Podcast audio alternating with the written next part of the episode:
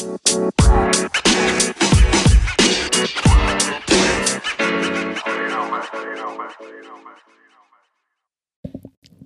Planı Podcast'inin yeni bölümüne hoş geldiniz.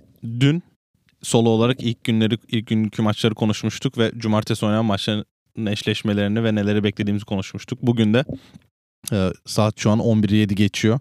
Akşam Gonzaga zar zor Memphis'i yendi.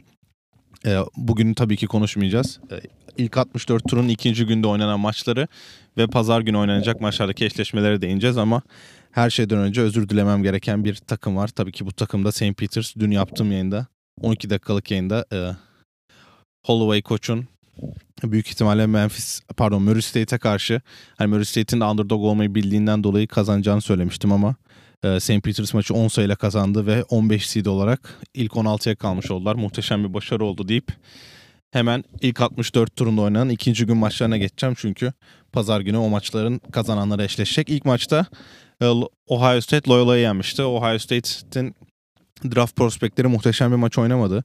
EJ Liddell 16 sayı 10 rebound ama hani 34 dakikada 10 kere çizgiye gelip 8 isabet bulması çok etkileyiciydi. Ama diğer tarafa baktığımızda Malaki Branham aynı zamanda Ohio State'te sadece 27 dakika sahada kalabildi. Çünkü for problemine girmişti. Ben bu maç kendi Stow adına daha iyi işler yapacağını düşünüyorum. Bir de bu maçta sadece 41-54 bitmesi tabii ki düşük skorlu olduğunda gösteriyor deyip hemen Auburn'e geçelim. Auburn çok rahat bir galibiyet aldı. O yüzden çok üzerinde durmayacağım. Aynı şekilde Texas Tech, aynı şekilde Purdue, Purdue'da Jaden Ivey turnuvaya gelmiş diyebiliriz. Big Ten, Big Ten turnuvasındaki performansıyla birkaç soru işareti vardı. Ama tabii yani Yale gibi bir takım olunca beklenti de çok olmuyor sonuçta. Yani domine etmesi çok zor bir e, rakip değil. O yüzden Jaden Ivey'den beklentimiz bundan sonraki turlarda tamamen domine etmesi. 28 dakikada 22 sayı attı. 13'te 6 sayı içi isabetiyle ki Zach Edin'in de 20 dakikada 16 sayısı var ki yani Idi gibi bir oyuncuyu Yale tarzı takımlarda bulmak inanılmaz zor. Hani bundan sonraki turlarda daha zorlanırlar mı onu göreceğiz deyip benim büyük favorim Villanova'ya geçelim. Villanova biraz dar geçen maçta vitesi bir anda sıktı. Bu vites sıkarken de guardların post upları olsun, top dolaşımı olsun, isabetli düşüşler derken bir anda 20 sayıyla maçı kazandılar. Yani benim J. Wright'tan beklentim zaten böyle basketboldu. Bu sene biraz daha düşük tempolu bir basketbol oynuyorlar evet ama buraya gelen en iyi bir GIS takımları oldukları da kesin. Onlar da ilk maçtan iyi bir mesaj verdiler. Beni de mutlu ettiler diyebilirim. Daha sonra oynanan maçta USC Miami. Ben Miami'nin e, bu turu geçeceğini hatta e, birazdan da konuşacağız. Onlar da pazar zaten Auburn'le oynayacaklar. Auburn'e de sorun çıkaracaklarını düşünüyordum. Miami maça çok iyi başladı. Hatta e, yaklaşık 10-12 sayılı öne geçmiş olmaları lazım. Charlie Moore Chicago efsanesidir kendisi. Dördüncü üniversitesinde bu yeni kurallarla birlikte. Bu işi e, suyunu çıkaranlardan biri diyebiliriz Charlie Moore adına. O da dördüncü üniversitesine gitti ve e, Miami'de takımı sırtladı ki bu sene bir tane de orta sahadan game winner var kendisinin ama USC ikinci yarı zaten hani 11 sayıyla geriye girmişlerdi devrede. İkinci yarı baskı olsun kurdukları üstünlükle olsun maça ortak oldular. Son sahnede Charlie Moore yine çizgiye gelerek maçı kazandırdı ki e, USC'de e, Drew Peterson 17 sayıyla oynamıştı. O da draft prospect herhalde bu sene için olmaz ama önümüzdeki senelerde. Şimdi tekrardan bakıyorum junior'mış belki seneye sonra da Avrupa yapabilir diye tahmin ediyorum. Deyip bu maçta yanlış hatırlamıyorsam top kayıpları saçmaydı. Evet Miami'nin 18 Miami'nin 3 top kaybı yaptığı maçta e, USC 18 top kaybı yaptı. Aslında biraz da kendi ayaklarına sıkmış oldular. Bu da iki takım arasındaki farkı sadece hani iki sayıyla bitmesinin nedeni hani 15 fazla top kaybı yapan bir takım maça ortaktı. Son saniyede kaybettiler o da. Hani Miami'nin kötülüğünü mü yoksa USC'nin USC'nin şanssızlığını mı gösteriyor onu da bilemiyorum deyip e, Notre, Notre Dame Alabama maçına geçelim. E, Alabama'da Javon Curver'li ilk 3. dakikada sakatlandıktan sonra bütün e, direksiyon J.D. Davis'ına kaldı. Davis'in 9 asist oynadı ki bence gayet etkileyici bir performans. 6 top kaybı yapması normal çünkü yani bu turnuvada gördüğümüz bir şey varsa çoğu takımın point guard'ı yok. Yani Gonzaga e, Memphis maçını izleyenler olacaksa Nemhart'ın nasıl dominant bir performans sergilediğini görebilirsiniz. İyi point guard olan takımlar kendilerini çok net yukarı atıyorlar. Biz de bunu net görmüş olduk. O yüzden J.D. Davis'ından da genelde hep Queen ile sahada kaldığı için bir beklentimiz yoktu. Ee, sonuçta NBA prospekt olunca yani Scottie Barnes'ı da herkes hatırlar. Bench'ten gelen bir oyuncuydu ki mesela Tari Eason ve Jeremy Sohan da aynı şekilde bench'ten gelen oyuncular. Davidson da onlardan bir tanesiydi. Yani beklentiyi karşıladı ama e, Notre Dame daha güçlü geldi. Blake West'in 18 sayısı var ki çembere gittiği zaman çok tehlikeli bir oyuncu.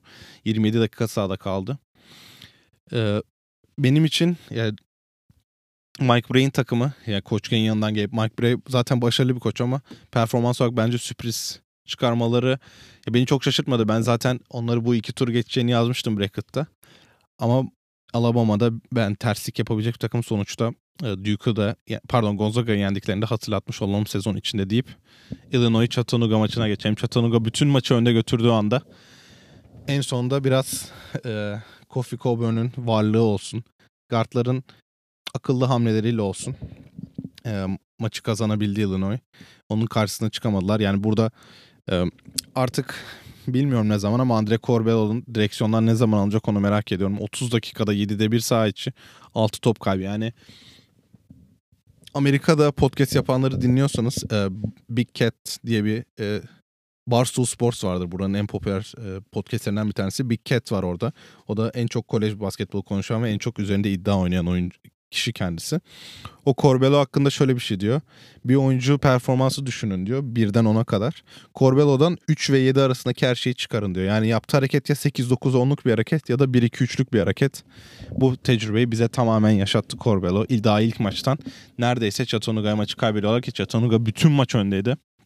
Burada biraz da tecrübesiz, turnuva tecrübesizliği diyeceğim ama yani Illinois'da öyle muhteşem tecrübesi olan bir takım değil. En son zaten başarılı olduklarında e, D. Brown vardı bu takımda. Hatta Darren Williams vardı. Üç guard oynadıkları dönem. Deyip Duke'a geçelim. Duke çok dominant bir performans. Herkesin beklediği upset burada olmadı. Zaten 15-2 upsetini biz Kentucky'den Kentucky'yi de gördükten sonra bir de Duke elenseydi muhteşem bir sürpriz olurdu. E, Duke çok rahat geçti. Hemen Paulo'nun istatistiğini vereyim. 17 sayı 10 rebound 4 asist yaptı.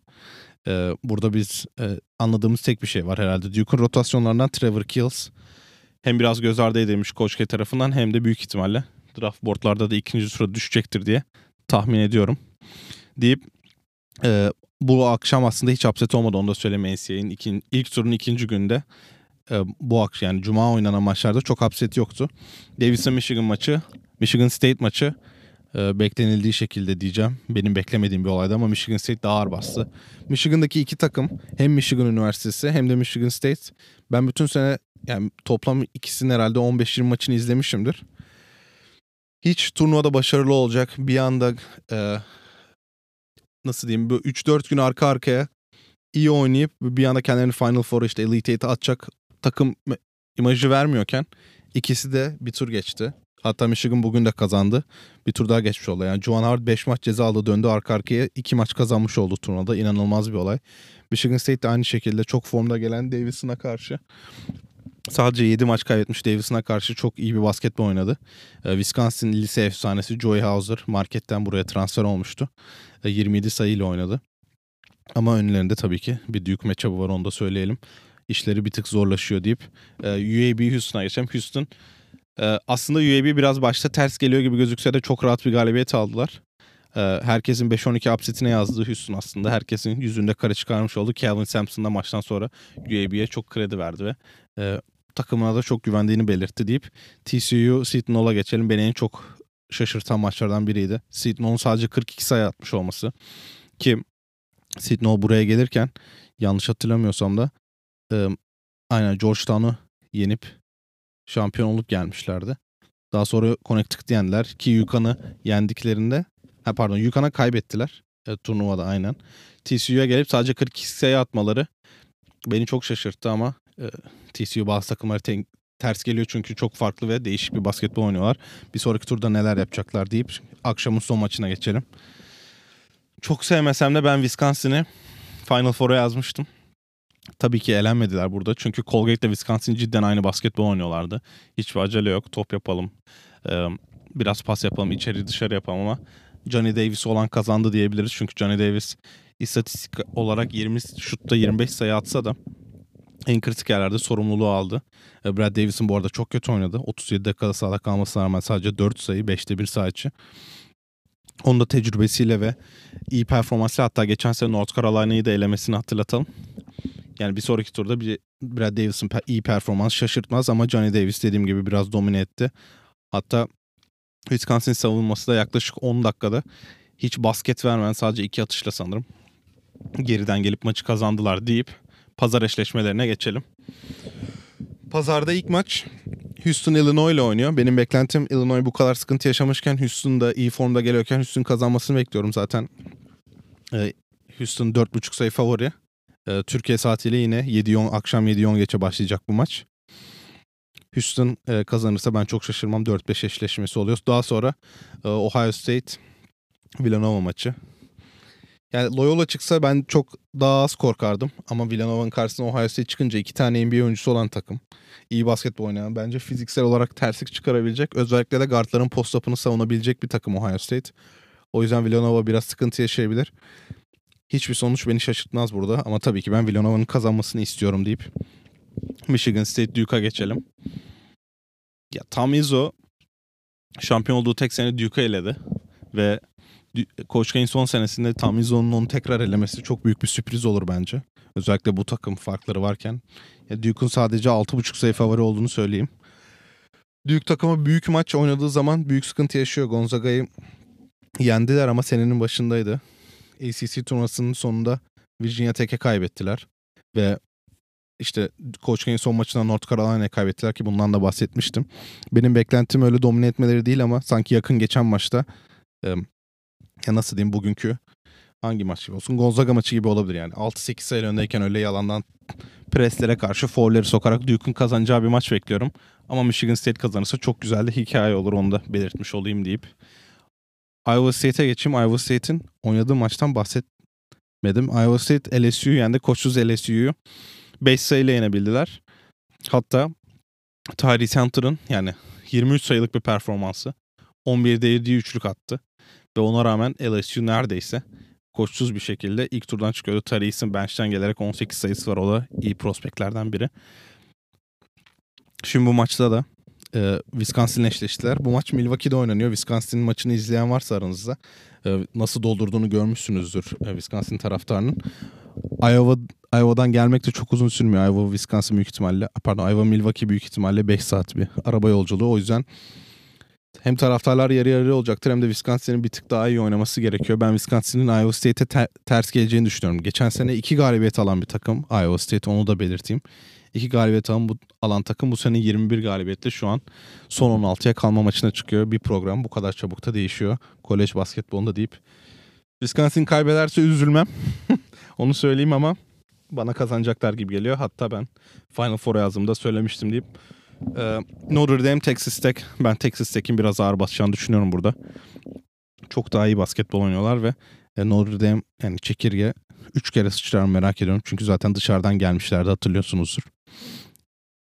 Yani 3 maç arka arkaya kazanırlarsa çok büyük sürpriz olur. Geçen seneki UCLA e, Cinderella'sına doğru gider diye düşünüyorum deyip Miami Auburn.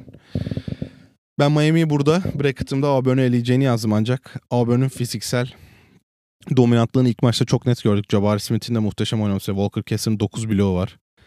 Miami kısaları sıkıntı yaşayabilir. Miami kısalarının boyalı alana girmede sıkıntısı yok ama işte Walker Kessler olunca bitirmede sıkıntı yaşayabilirler. Bu Rudy Gobert için söylenen hani boyalı alana girip şut atmamasını sağlıyor insanların diye ve bunu ölçecek bir metrik yok istatistik, istatistik olarak. Walker Kessler de bunu yapacaktır bence ama guard oyununu e, çok önemli olduğu için ben Miami'nin guardları ağır basarsa abi öne bir sürpriz gelebilir diye düşünüyorum ama Jabari Smith olan takımında sahaya 7.5 sayı favori çıkması çok normal. Jabari'nin dominant oynayacağı bir maçta Miami'nin hiç şansı kalmaz deyip e, son iki maça geçelim. Texas Purdue. Chris Beard'ın ben şaşırdım cidden buradan çıkabilmesine onu söyleyeyim. E, Purdue'un da dediğim gibi çok favori olarak geliyor musun? Virginia Tech'i yendiler ki ben Virginia pardon Texas Virginia Tech'i yendi. Ben Virginia Tech'i yenem, yenemeyeceklerini düşünmüştüm. Ee, hem oyun olarak hem de Virginia Tech çok formda geliyor. Dediğim gibi Duke'u yendiler. Ama Purdue'da herhalde burada çok sıkıntı yaşamayacaktır. Sadece 3.5 sayı favoriler. Benim beklentim Jaden Ivey'den bir dominant performans ve Travian Williams'tan bu sefer daha iyi bir performans bekliyorum. Yani Edey zaten her maçı 20 sayı atıyor okey. Ama maç sonlarını Travian Williams oynuyor. O da dominantlığını bu maçta gösterecektir. Texas'tan beklentim biraz savunma anlamında sertlik yapıp Jaden Ivey'i püskürtmek olacaktır. Onu yaparlarsa Purdue'yu sıkıntıya sokabilirler deyip son maça geçiyorum. Şampiyon favorilerinden Arizona. Rahat bir maç oynadılar. Buraya gelirken Maturin çok iyi bir maç çıkarmadı. Ama uzunlar işte Koloko olsun, diğer oyuncular olsun çok rahat geçtiler ki TCU bence onların seviyesinde bir takım. Yani onların seviyesinde derken stil olarak ve onların yani nasıl diyeyim Arizona bir basketbolu %97 ile oynuyorsa TCU aynı basketbolu %85 ile oynayan bir takım. O yüzden Arizona'ya ters gelmeyeceklerinden ben Arizona'nın rahat kazanacağını düşünüyorum ki e, 9.5 sayı favoriler bu maçı çıkarken. Arizona sıkıntı yaşamadan bu turu da geçecektir. Yani biraz her hep favoriler kazanacak diye düşünüyorum. Tabi bugün öyle olmadı. E, St. Peters 15. olarak son 16'ya kaldı. Sürpriz beklentilerim yani 8 maçta Miami Miami Auburn zaten demin de bahsetti. Miami kazanırsa şaşırmam. şaşırmam. Michigan State'te güzel olur. Hani K'in son maçı ve yani hater olarak en çok hater olan takımda Duke. Neler olacak göreceğiz. İlk iki turda iyi oynayanları ve e, nasıl performanslar olduğunu daha derin bir şekilde Barbaros'la konuşacağız. Bu herhalde solo olarak en azından ilk tur ve ikinci tur hakkında yaptığım tek son soloydu. Bir sonraki turda görüşmek üzere. Tekrardan hatırlatayım. E, Türkiye saatiyle 7-10 geçe Houston Illinois maçıyla başlıyor ve dün de bahsettiğim gibi Metrobüs gibi arka arkaya maç geliyor. 8 maç var. Herkese iyi seyirler, iyi dinlemeler.